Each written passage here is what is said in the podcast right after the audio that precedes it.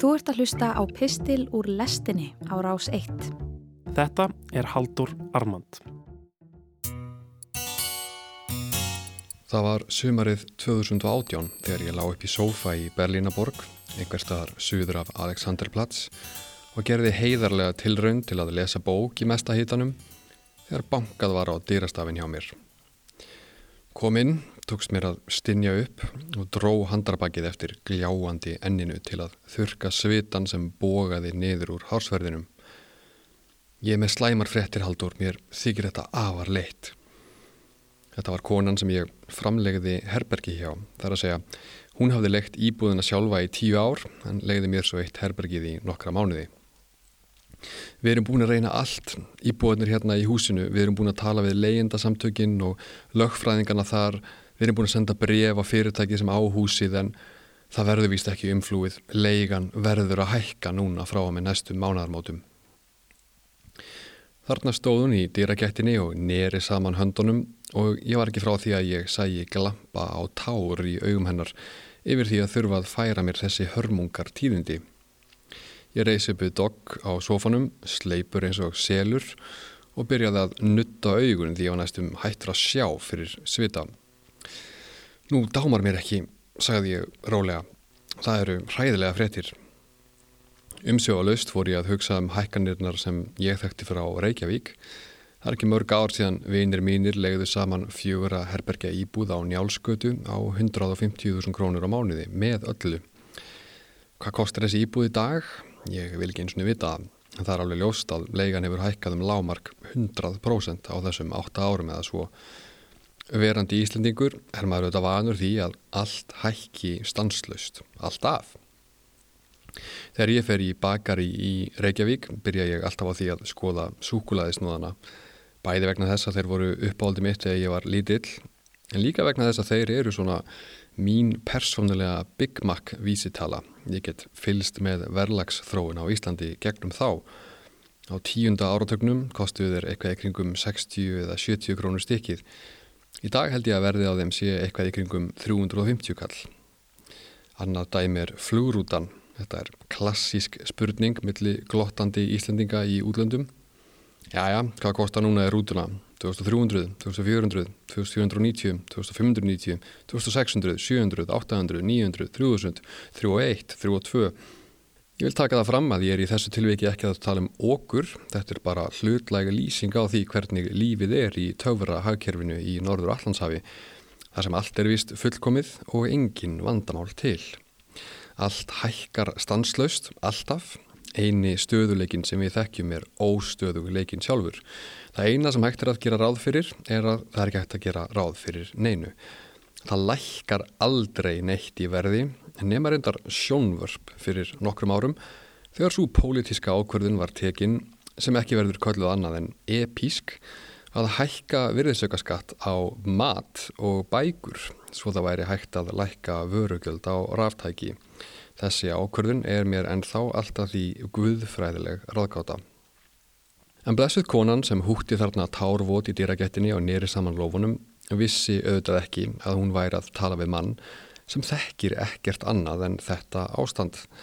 Að vera íslendingur er að þekka ekkert annað en að lifa á efnagslegu jarðspengjusvæði eða eins og vindur minn komst á orði. Lífið hérna er eins og að keira bíl með gödóttan bensíntank. Bensínið hverfur bara og maður þarf alltaf að vera að fylla á. Eða eins og einn önnur sagði Að vera á Íslandi er eins og að vera á skólalóð og það er alltaf einhver að taka húfuna af þér, linnu laust, aftur og aftur og þú getur ekkert annað gert en að kaupa þér nýja húfu eða verða skýt kallt. Hvað eru við að tala um, sagði ég og tegði mig yfir vegaður í vassflöskuna eins og sannur fagmaður í verðhækunum. Varir hennar titruðu meðan hún sapnaði kjarki til þess að stinja upp tölunni. Tólf efurur, elsku haldur mér, þykir svo fyrir þessu sagði hún og röddinn brast. Ég skellti upp úr 12 efrur.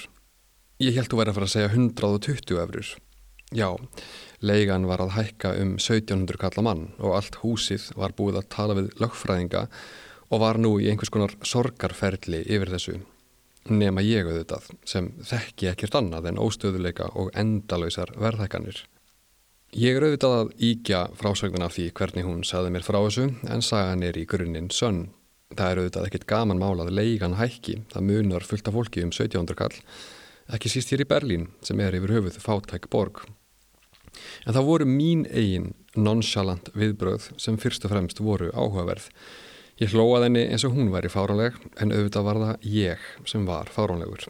Ég brást við frettum af leiguhækun eins og verið væri að segja mér jafn sjálfsæðan hlut og að sólinn muni koma aftur upp í fyrramálið.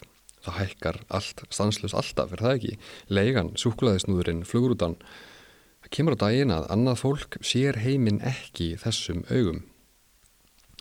Góður vinnu minn bjóð í Belgíu og einhverju sinni fekk ég skilabóð frá hannum upp úr þörru í síman minn. Ég er búin að vera að prófa ganni að spyrja fólk hérna hvað Seðlabankastjóri Belgíu heiti, sagði í skilabóðunum. Það veit þetta enginn og þetta þykir heldur förðuleg spurning. Það sama gildur um vakstastig. Ég spyr hvernig vextir hérna síu af húsnæðislánum og svona og fólk bara yppir öxlum og setur upp írónískan sveip svona eins og ég sé að spyrja það út í efnafræðilögmál eða teilur alheimsins. Það er enginn að pæla í þessu. Fólk veit ekki eins og hver fjármálaráðarinn er. Einskýring er svo að almenningur í Belgíu sé svona hyrðulegs að hann nenn ekkert að pæli því af hverju lífskeiði hans stjórnast. En önnur skýring og betri er svo að hinn almenni belgi pæli ekki mikið í efnagstjórn eða vakstastígi einfallega vegna þess að hann þarðis ekkit. Verðlægið er stöðugt og fyrirsjánlegt.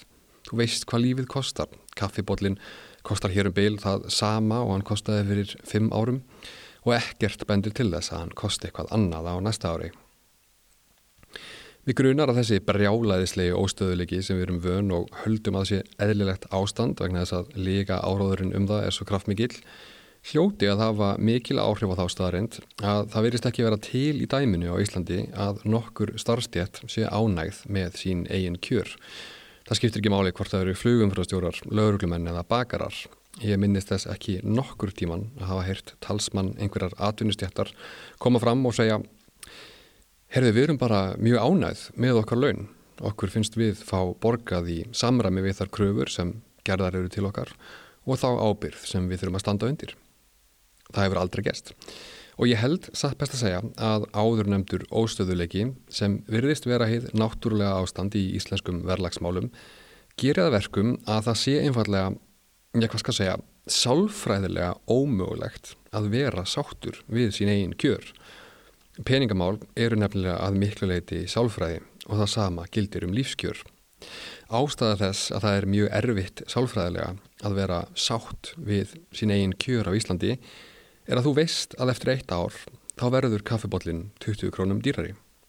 Þú veist að leigan verður að öllum líkitum hærri, afborganir af húsnæðisláni, hver veit hvernig þær verða að ári, þú veist að leigubílin úr miðbænum verður dýrari, þú veist að fastegnagjöldin verða hærri Þú veist að skaldsagan sem þú ætlar að gefa mömmuðinni í jólagjöf verður dýrari enn í fyrra. Þú veist að matarkarfan mun býta fastar í veskið. Með öðrum orðum þá veistu það að það eru allar líkur á því að lífskeiði þín verði verri á næsta ári. Já, nema auðvitað ef launin þín hækka. Allt hefur alltaf sífelt orðið dýrara en það var. Þú þekkir ekkert annað og þú hefur enga ástæðu til þess að ætla að það muni breytast á næsta ári sem gerir að verkum að þú getur ekki verið sátt við það sem þú hefur vegna þess að ef þú ert sátt eða sáttur þá myndu dragast aftur úr. Þetta blasir við. Já, af hverju er gremja í aldingarðinum? Vegna þess að leið og þú leifir þér að finna fyrir sátt þá ertu búin að tapa.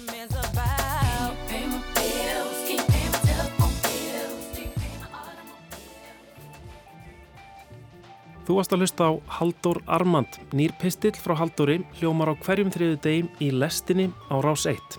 Ef þú fílaðir þennan pistil og vilt heyra meira, getur gerst áskrifandi að lestinni hér í hlaðvarpsappinu þínu. Rás 1 fyrir forveitna.